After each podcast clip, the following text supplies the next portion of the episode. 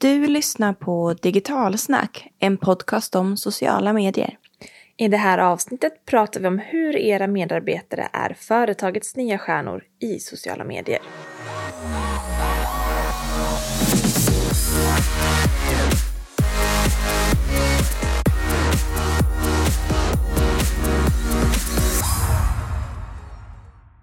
Välkomna till Digitalsnackpodden. Det här är ju podden som ger dig verktyg för att lyckas i sociala medier. Och som alltid är det ju som sagt jag, Jenny, och så har vi Cecilia som är era social medieexperter i den här poddvärlden. Och vi driver ju social mediebyrån med samma namn som är lite som en förlängd arm från den här podden. Så sitter ni där, lyssnar på vår podd, läs våra blogginlägg och kör fast med någonting hör av er så kan vi faktiskt hjälpa er vidare. Dessutom så har vi ju flera öppna utbildningar under året i Sverige och även på Åland. Så känner ni att ni vill ha ett litet kunskapslyft så passa på att boka din plats. Och det finns ju många olika slags utbildningar om man eh, vill bli bättre på Instagram, bli eh, lite vassare på LinkedIn, kanske vill komma igång med det under 2020 eller kanske det här med Facebook Ads Manager. Det är ju en härva. Vi har ju ett poddavsnitt där man kan lära sig lite mer. Men eh, vill man ha lite mer hands-on kunskap så har vi de här öppna utbildningarna runt om i Sverige. Så gå in på digitalsnack.se öppna utbildningar så ser ni hela vårt utbud.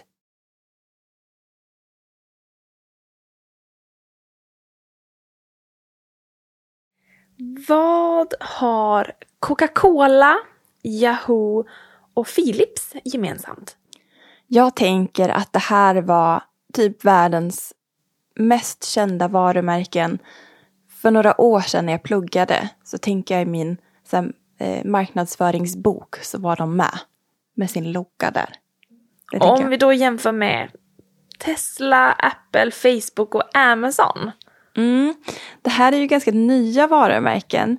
Men vad som är gemensamt med de här och inte de första varumärkena som du nämnde är ju det här med väldigt starkt ambassadörskap. Som i princip har blivit en större stjärna än varumärket i sig. Mm. Och ni lyssnare, ni kanske förstår vart vi är på väg. Varumärken tappar mer och mer kraft kan man säga. Och istället är det ambassadörer som är de nya stjärnorna, speciellt i sociala medier. Mm, och det här går ju lite i linje med vad vi har pratat om innan i den här podden. När det kommer till men, nya generationer, som du brukar säga, har en så här jättetydlig bullshit-detektor som känner av direkt. Och där personen blir mycket, mycket viktigare. Influencer marketing har ju växt otroligt mycket de senaste åren. Men det blir att för att få den här äktheten som vi ju älskar med sociala medier och som vi kräver mer och mer av sociala medier. Inte det här putsade, photoshoppade, utan det här disposable media som bara lever 24 timmar, vi filmar lite, lite spontant. Det växer.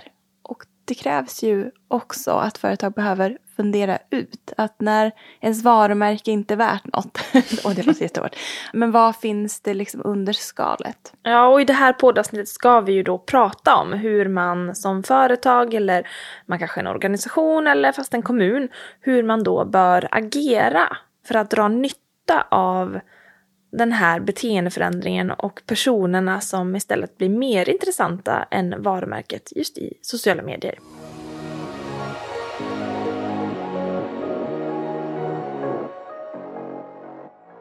Det här med personligt varumärke, det kan ju kännas mest naturligt för de som äger av företaget som vi är.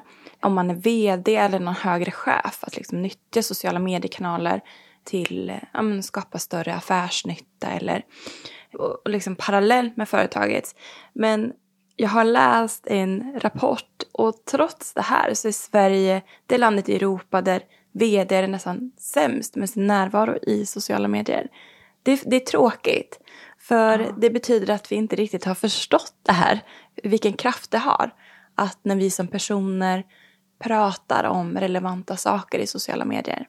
För tio år sedan så kanske inte det här behövdes. Det var helt okej okay att eh, inte vd och framförallt inte kanske andra medarbetare på ett företag behövde vara synliga i sociala medier. Men när de här beteendeförändringarna kommer, det kommer nya generationer och när de kräver mer äkthet för att lyssna och eh, amen, eh, vilja inspireras eller vilja köpa hans produkter och tjänster, då behöver det ju faktiskt finnas någon person där ute som de kan ha en koppling till.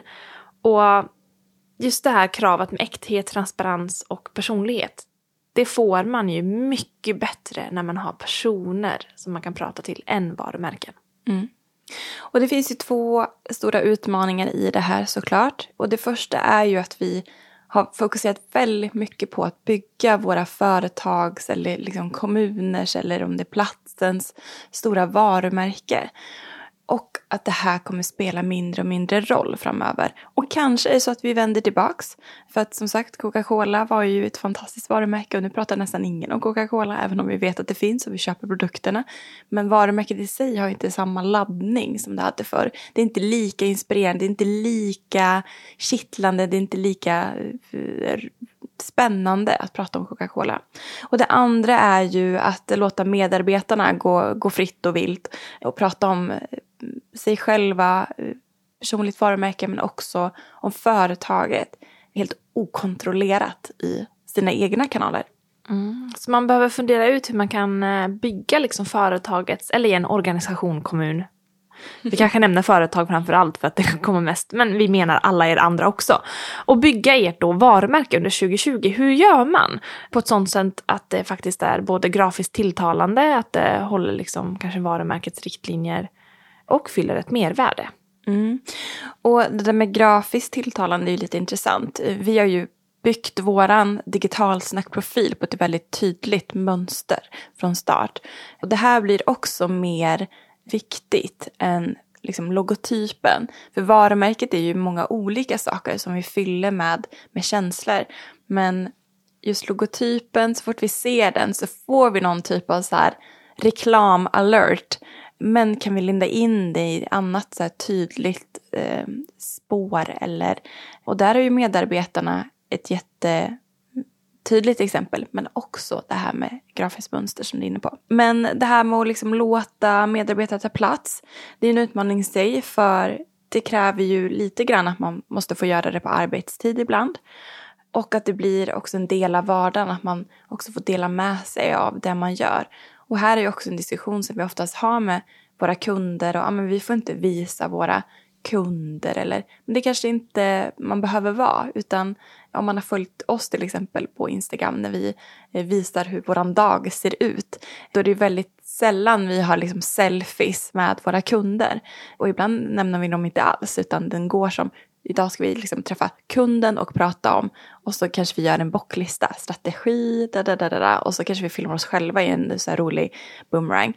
Så att allt man, man kan ta med sociala medier och ett härligt ord som jag tog med mig från en workshop för några veckor sedan där de sa vi ska vara bjussiga i sociala medier. Jag älskar oh, det ordet. Ja, det tycker jag passar perfekt inför det här. Exakt. Ja. Man kan vara bjussig oavsett vilken bransch eller om man är ett företag eller kommun så kan man vara bjussig på sitt sätt. Och det tycker jag så öppnar dörrarna och så här välkomnar in.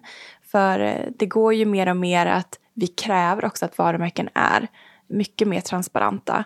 Det är konstigt nästan när företag stänger dörren om man inte pratar om det som händer på insidan. Mm. För då, då tycker vi att det är något lite fuffens. Så vi vill att ja, dörren ska vara på vit gavel och man ska vara välkommen in. Och det andra är What's in it for them? Alltså varför ska medarbetarna ta plats i sociala medier? Ja, för man kan inte verkligen kräva det här. Då blir det konstigt. Nej, man måste ha en egen vilja. Det är ju bra i många olika sammanhang. Men framförallt här att man har en egen agenda och förstår sitt egna varför man ska göra det. Så att försöka låta då alla företags ambassadörer, för det är det de blir eh, också när medarbetare liksom pratar om varumärket, synas i företagets egna sociala medier känns ganska självklart idag för många skulle jag säga. För genom att göra det så får man ju faktiskt fler ämnen att prata om. Man kommer kunna bjuda på ett extra värde till de som följer er i sociala medier. För att prata till exempel om service eller viss kunskap och kompetens blir väldigt svårt att göra på ett genuint sätt om man inte lyfter in medarbetarna. Så det är liksom en självklar grej tänker vi. Så då blir företaget någonting mer än bara den produkten och eh, tjänsten som man bjuder på, utan man ger faktiskt ett mervärde. Men sen det som är klurigare, så här, självklart att lyfta in medarbetarna för att prata om det här, för det kommer ge liksom mer. Men att göra det på rätt sätt, så att man också får mer effekt, det är lite, lite svårare. Så vi tänkte bjussa på lite tips gällande det här. Mm. Och det ena är ju att lyfta liksom medarbetarnas expertis. Och det här är ju så himla ganska typiskt sociala medier. Vi, vi har våra sociala medier och sen så gör man kanske har en aktivitet på företaget eller att det, det är någon som går en, en bra kurs. Och sen så lägger man upp så här, idag var Lisa på HLR-kurs i Växjö. Punkt. Oj, det ger ju så, det ger ju så lite. Ja. ja. och vad, hur, vad ska liksom medar eller mottagaren av det här innehållet, vad, vad ska den göra med den informationen? Ja men det är jättekul om man känner Lisa väldigt väl. Men vore inte det lite mer intressant att Lisa kanske lägger upp en video där hon visar så här, de bästa, så här räddar man livet på ett spädbarn eller vad det nu kan vara. Och så ger man tips så att Lisa får den expertisen inom företaget. Hon faktiskt kan det här. Och det kan ju vara med alla andra expertisområden, att man är kanske miljöansvarig och brinner verkligen för miljöfrågor. Då är det ju där man också ska, ska lyfta i kanalerna. Så att man inte är en person som har blivit tilldelad en så här, nu är du miljöansvarig här på företaget, nu ska du fixa fram en certifiering här hos oss. Utan det ska vara verkligen en genuint intresse hos medarbetaren som man lyfter ut i kanalen. Och att de också får ta mer plats i den här expertisen och prata om det. Så ska man inte glömma bort att eh, bjuda på något personligt. För det funkar också väldigt bra i sociala medier. Så att eh, det lyfter ju hur en person är mer, om man får veta lite mer om, om man har en nördig favorithobby eller om man har något så specialintresse som kanske inte har någonting med företaget att göra egentligen. Men det gör att människan som tittar på det här får en starkare relation till personen som lyfts i sociala medierna fast den inte ens har pratat om företaget mm. eller det man säljer och gör. Så att kom ihåg att vara lite mer personliga och lägga in sånt eh, emellanåt, personliga inslag. Mm. Vi har haft med våra hundar ibland och visat att de hänger med på kontoret. Eller vad vi är supernördiga när vi inte är på jobbet, även om vi är ganska nördiga rent generellt sett. Vi skulle kunna nog bli lite bättre på den här biten tänker jag, nu när man tänker på det. Verkligen. Och man kan ju använda lite, lite lättare format eh, om man känner att man har en jättebra strategi i det vanliga liksom, flödet. Så finns det olika format som är eh, lättare att eh, för medarbetarna att använda. Och jag tänker på Facebook och Instagram stories. Det är inte jättemånga som använder Facebook stories, men den finns faktiskt där. Även om man, om man letar runt och tittar. Och det kanske är en större anledning varför man ska använda det, för att ingen gör det, så att man får mer synlighet. Och då kan man ju använda samma material på båda, tänker jag. Men då kan man få följa med på en dag. Vi gör ju det här ganska ofta. Och då får man, man berätta mm, vad man gör på en dag, kanske vilka man träffar. Man får en lite bredare bild. Både som person, expertis, men också hur det är på företaget. Man får visa den här vet, öppna dörren på insidan. Och de här försvinner efter 24 timmar. Det är ju ingen katastrof att de inte blir helt fantastiskt vackra. Utan äh, återigen, var bjussig. Hel kanske sänker tröskeln också för medarbetarna. Att det inte känns lika stort ansvar att ta över en kanal. För man vet att det lever inte för evigt. Precis. Vi hade en fotografering med en kund igår. Och det är alltid obekvämt för folk att vara med på bild. Oftast. Det är inte jättemånga som säger snälla ta en bild på mig. Jag känner mig så redo. Men då, då tycker jag att det är bättre att vara ful och glad än snygg och sur. Oh ja. Så att eh, man får jobba lite med så acceptans. Att det är bättre att det känns som att det, det är ett härligt företag och alla kanske inte var supersnygga. Och att man sänker verkligen den här tröskeln. Att det inte måste vara perfekt. Utan det får vara precis som det är. Och det, det är ju härligt det också. För det gör att det finns en äkthet när man kliver in som men om man söker jobb på företaget eller man liksom känner den här känslan direkt. Sociala medier är ju, precis som vi sa, att podden är förlängd arm av vårat bolag så ska ju sociala mediekanaler också vara en förlängd arm av, av företagets inre kärna. Mm. Och det var ju um, tips då att använda de här kortare medierna disposable media stories. Sen har vi ju andra sätt att också bjuda på det här och, och det är kanske att skapa filmklipp i form av IGTV. Den kanalen används ju inte av jättemånga, så det finns många andra fördelar också på att hoppa på en kanal som är, relativt ny. Men där skulle man kunna ha små filmklipp där medarbetarna bjuder på tips just inom ens eh, passionerade område i, i företaget. Och man kanske kan ha en egen kanal till och med som man får helt ansvar över och visa sin kompetens eller vad det nu kan vara. Det finns jättemånga olika klippta rutor ni kan ta inspiration från. Eh, det finns en del blomsterhandlare som visar hur man planterar om växter till exempel. Och då är det ju en person som gör det här. Som pratar till personen på andra sidan skärmen också. Och det blir så mycket mer personligt och äkta och ger dessutom en fantastisk nytta till den som tittar på filmklippet. Mm. Och IGTV är ju liksom ett snäpp lite mer avancerat än det här stories-formatet. Mm. Och nästa steg är ju att ha en egen YouTube-kanal. Och det, man kanske tänker att det, det, är svårt för företag att ha en YouTube-kanal. Eller inte. Många kanske lägger upp sina eh, produktioner bara där och då blir det liksom lite som videobas. Men det finns ett bra exempel som är Svanströms VVS som har en egen YouTube-kanal. De har 30 000 prenumeranter och vissa avsnitt eller videos som de lägger upp har över 100 000 visningar där de gör saker som rörarbeten. Gud vad jag känner att jag var det är inte så vårt himla område. dåligt insatt i den här branschen. Um, eller när de installerar en, en, en dis, ett discoljus på en toalett. Och hur många följare som helst och titta liksom tekniken bakom hur man kopplar rätte och resultatet. Och de har då två profiler som, som är den här YouTube-kanalen. Och då får man följa med dem på en dag på jobbet. Och de här är ju super, super sköna. Så gå gärna in på YouTube och titta. För det är ett jättebra exempel på hur man plockar ut kanske några medarbetare som får följa med på en, en, en dag på jobbet. Och det är klart att det här blir ju extremt eh, kraftfullt. Mm. Det blir en otrolig hävstångseffekt att det finns de här personerna. Det är ju ett ganska avancerat sätt. Det finns ju lite så enklare varianter man kan börja med babysteg kanske. Och det är på det här med att eh, när man svarar på inkomna kommentarer, oavsett social media egentligen, att vara så pass personlig att man lägger till namn på vem det är som har svarat på kommentaren.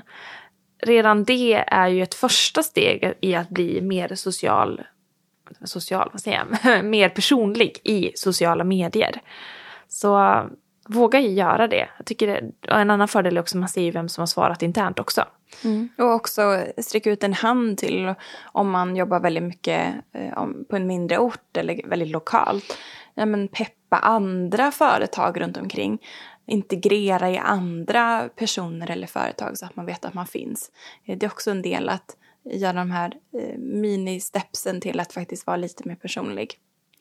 Och tricket att jobba med mycket medarbetare i sitt flöde är ju att sätta en bra bild vad man vill uppnå tillsammans. Så att alla också förstår att det här är varför vi ja, men har Instagram. Det är för att visa hur det är på det här jobbet till exempel.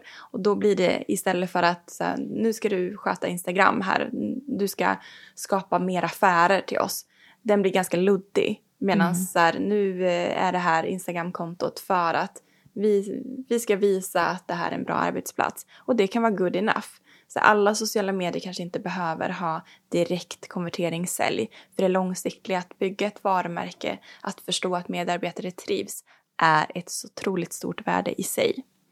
Och sen låta verkligen medarbetaren få skapa fritt utifrån den visionen. Lite learning by doing. Inte sätta för, för hårda tyglar, utan så här, kör bara. Vad är det värsta som kan hända? Och första steget kanske innan man gör det är ju att få medarbetarna att ens dela innehåll som man själv publicerar.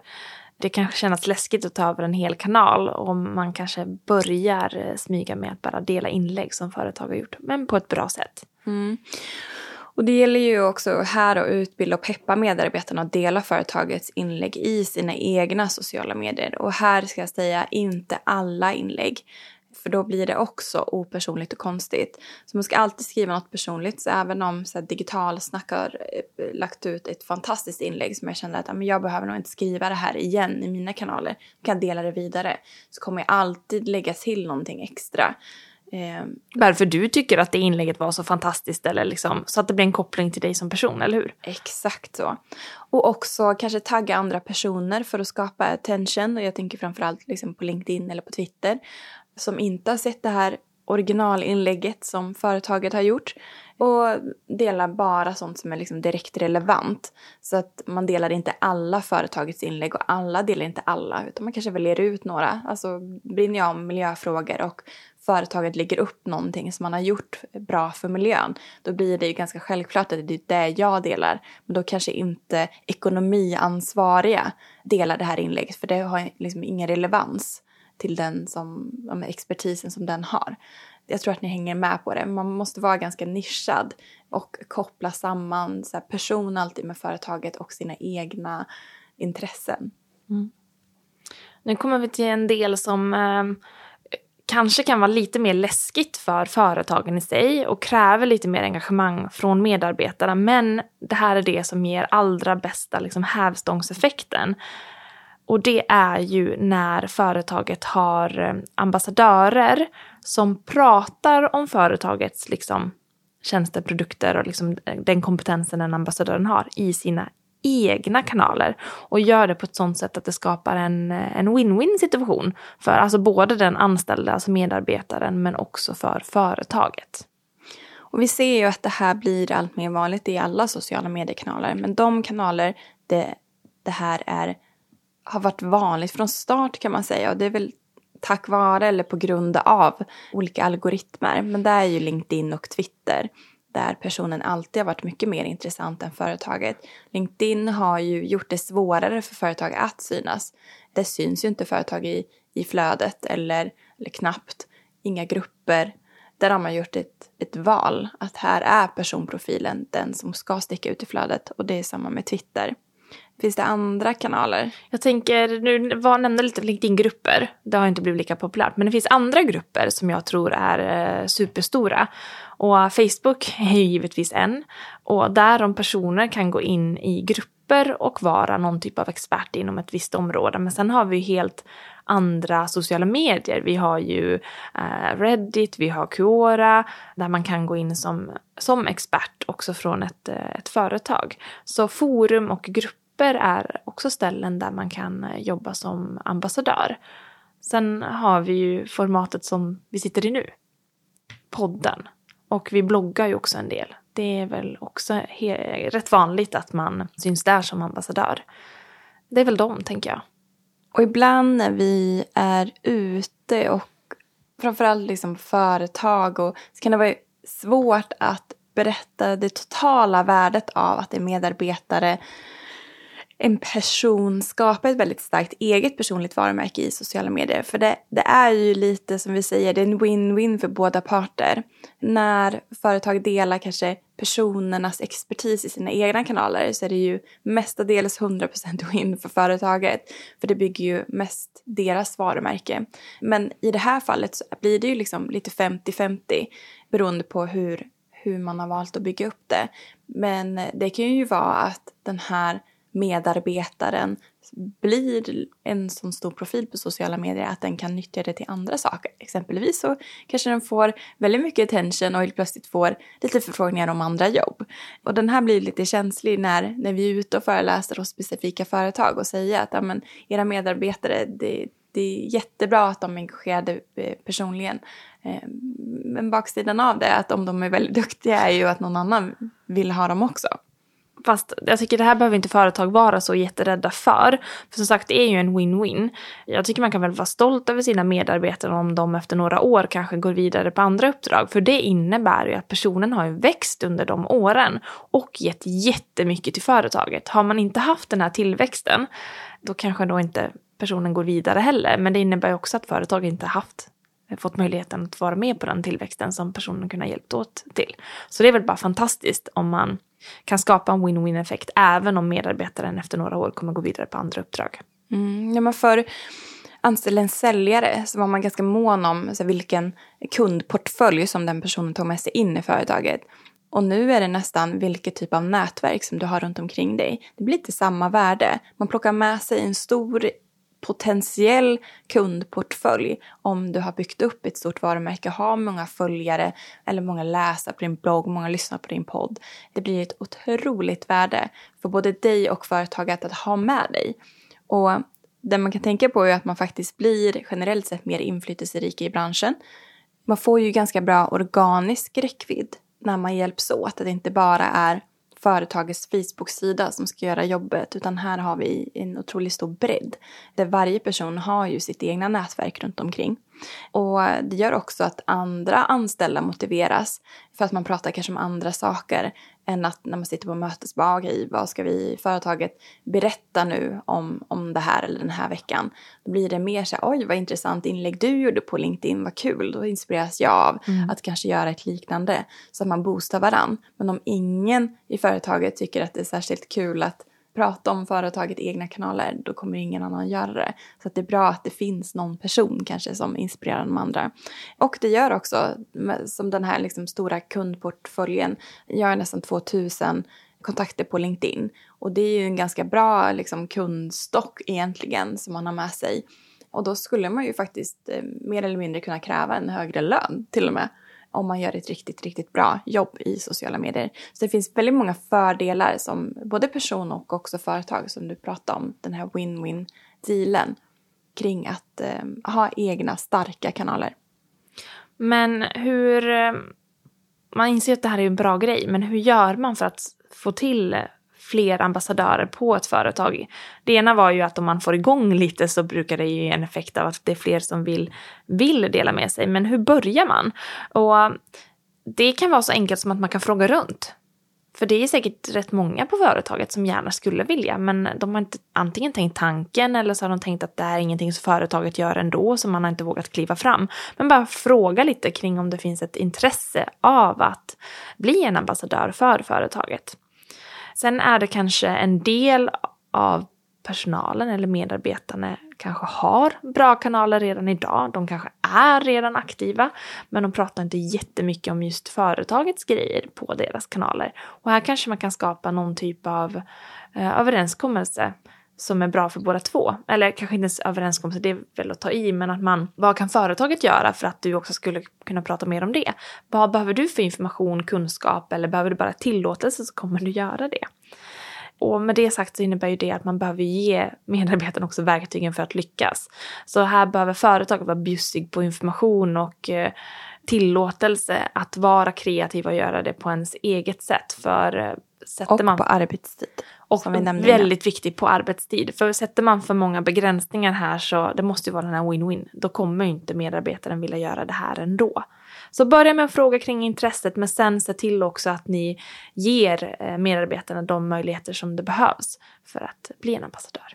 Mm. Och som medarbetare är det ju bra att ha en kanal som man känner sig bekväm med. Att man kan sticka ut och vara den här liksom ambassadör eller profilen i. Och för min del så är ju Instagram en privat kanal för mig. Men LinkedIn är jag mycket mer öppen och skriver saker som jag känner eller har varit med om. Så att bara för att man väljer att vara en ambassadör så behöver man inte vara det i alla kanaler hela tiden. Utan här kan man faktiskt välja. Eh, lika, lika för mig och jag tror det är många andra som känner igen sig i det där. Sen gäller det också att hitta ett område som du brinner extra för. För bara för att du är ambassadör behöver inte du börja dela alla saker som företaget gör. Utan hitta den gemensamma faktorn som du kanske har i din yrkesroll med företaget eller liksom eh, kopplat till verksamheten. För då blir det mer genuint, det du kommer att dela med dig. Så att det kommer ju, om, mottagaren kommer ju ta det på ett bättre sätt. Och det kommer lyfta både din kompetens på ett bra sätt men också att du som medarbetare på företaget, så det lyfter företaget. I slutet kommer det leda till mer synlighet eftersom det du skriver eller gör uppfattas bättre av, av de som läser det helt enkelt. Och ett exempel på någon som jag gör det här bra är Johan Mellqvist. Han hittas ju på LinkedIn. Han är en PR-konsult men, eh, och han skulle kunna skriva många grejer inom just PR och den konsultverksamhet han gör. Men han har valt det området som han brinner mest för, vilket är åldersdiskriminering. Så gå in där och kolla på hur man liksom kan kanske vara mer specifik i det man skriver. Ja, och precis som det här exemplet så behöver det ju inte alltid vara direkt kopplat till företaget i sig eller vad man egentligen jobbar med. Det är dock väldigt viktigt oavsett vad man eller vilken nisch man, man väljer att vara ganska konsekvent i det. För alla ser ju inte alla inlägg som man publicerar i sociala medier. Så ja, men gillar man någon byggnadsgrej här eller pratar om trädgård här borta, lite sociala medier och då får man en väldigt så här, svag bild på vad du är expert på egentligen. Så där man skriver och där man integrerar med på någon av alla sociala medier, det bör vara liksom inom samma ämne så att man hela tiden upprepas av att hur det ser ut, vad du heter och vad du jobbar med. Och till slut så blir det ju en inpräntning. Det är lite som marknadsföring fungerar. Ju mer vi liksom får det till oss flera gånger om, ju mer kommer vi ihåg det. Och ett annat exempel som också är från LinkedIn är ju Andreas Tillander som är en polis som är en av eh, kanske LinkedIns eh, stora influencers som pratar väldigt mycket om sin vardag som polis, visar filmer utifrån hur det ser ut när han patrullerar i Rinkeby och, och vad han gör för polisen i sig är ju ganska magiskt. Mycket så fördomar som man har som han bryter ner i sin LinkedIn-kanal. Det jäkligt coolt ändå hur man som en person, titta så här, Greta Thunberg, eh, lite sån, sån effekt att eh, om man brinner för någonting riktigt, riktigt starkt och är super, super nischad på sociala medier så kan man fasen eh, göra vad tusan som helst om man vill. Sist men inte minst tänker jag att vi eh, behöver berätta också vad som gäller när det kommer till lagar och regler. För när personer börjar skriva om företaget i sina privata kanaler så finns det faktiskt några regler vi behöver förhålla oss till. Och det är så att på, under det senaste året så har det kommit allt fler liksom fällda och friade fall som inom området reklammärkning för sociala medier. Så nu har det blivit lite mer tydligt eh, vad som gäller, vad man får och inte får göra än bara de här eh, lagen om reklammärkning i sociala medier som är någorlunda ändå ny. Så det leder, att det leder till att det är lite tydligare nu vad man får göra som företag. För att det här området gäller då när man som person skriver om saker i sina egna kanaler så behöver det reklammärkas. Men hur, vad och när? Det är ju det som är frågan. Ja, och det finns ju en del frågetecken kring det här. Och eh, alla kanske inte förstår hur processen ser ut när det kommer till marknadsföring. Men för att det ska finnas en så kallad praxis kring vad det är som gäller så behöver det finnas ett ett beslut eller ett domstolsbeslut. Mm. Och det gör att man ibland kastar personer under bussen för att se om det är en friande eller fällande dom. Och det är det som händer nu med framförallt influencer marketing i sociala medier. Mm. Att man testar olika saker för att se om, om det är okej okay eller inte. Och det är så vi får vår praxis. Lite kort vad det är som egentligen gäller för privatpersoner som vill prata om sitt företag i sociala medier? Det är ju två grejer som styr och det ena är ju, det finns ju en viss marknadsföringslag och sen finns det yttrandefrihetslagen. Så när är det man tycker saker och när är det man gör reklam? Och det är ju så att även om det är för ens egna produkter eller tjänster, så att du är medarbetare på ett företag och du pratar om företagets produkter och tjänster så behöver du faktiskt eh, reklammärka all den typ av innehåll egentligen. Men då är frågan när är det man promotar en produkt? Eller, eller så, att när är det man måste? Vad är skillnaden mellan att det är en åsikt och att det faktiskt är något som behöver reklammärkas? Och då är det mm, två tydliga saker. Det ena är att syftet med det inlägget du gör är faktiskt att sälja. Att företaget ska sälja mer av den produkten. Eller att ni har kommit överens om att det finns någon typ av utbyte, att du som arbetare har fått extra lön för att eh, prata om det här i dina kanaler. Då blir det ju ett visst utbyte av tjänster och då måste det reklammärkas. Men det är ju en gråzon det där med att när är det jag tycker någonting och när är det jag faktiskt gör det här för att företaget ska tjäna mer pengar. För någonstans tycker jag att allting vi gör på LinkedIn har i slutet ändå ett syfte att eh, företaget ska gå bättre, vilket innebär att den också ska sälja mer. Men eh, i det här fallet kan det ju vara bra att vara extra tydlig och reklammärka mer hellre än, än mindre. Eh, när det är tydligt att syftet med det innehållet du skriver är att företaget ska sälja mer. Och är man nyfiken och vill verkligen eh, följa alla reglerna som hittills är uppsatta så har vi ju såklart ett blogginlägg till er.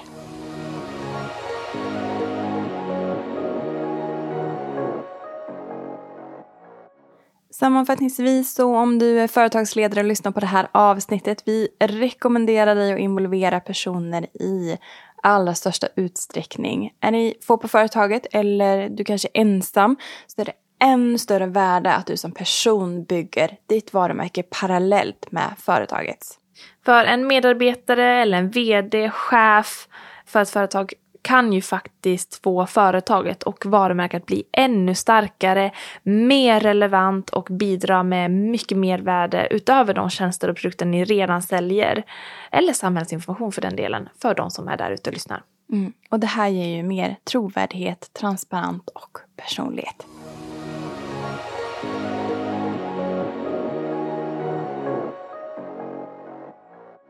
Stort tack för att du har lyssnat på just det här avsnittet av Digitalsnackpodden. Och följ oss på sociala medier. Läs vår blogg på digitalsnack.se för mer tips och nyheter. Tack och hej!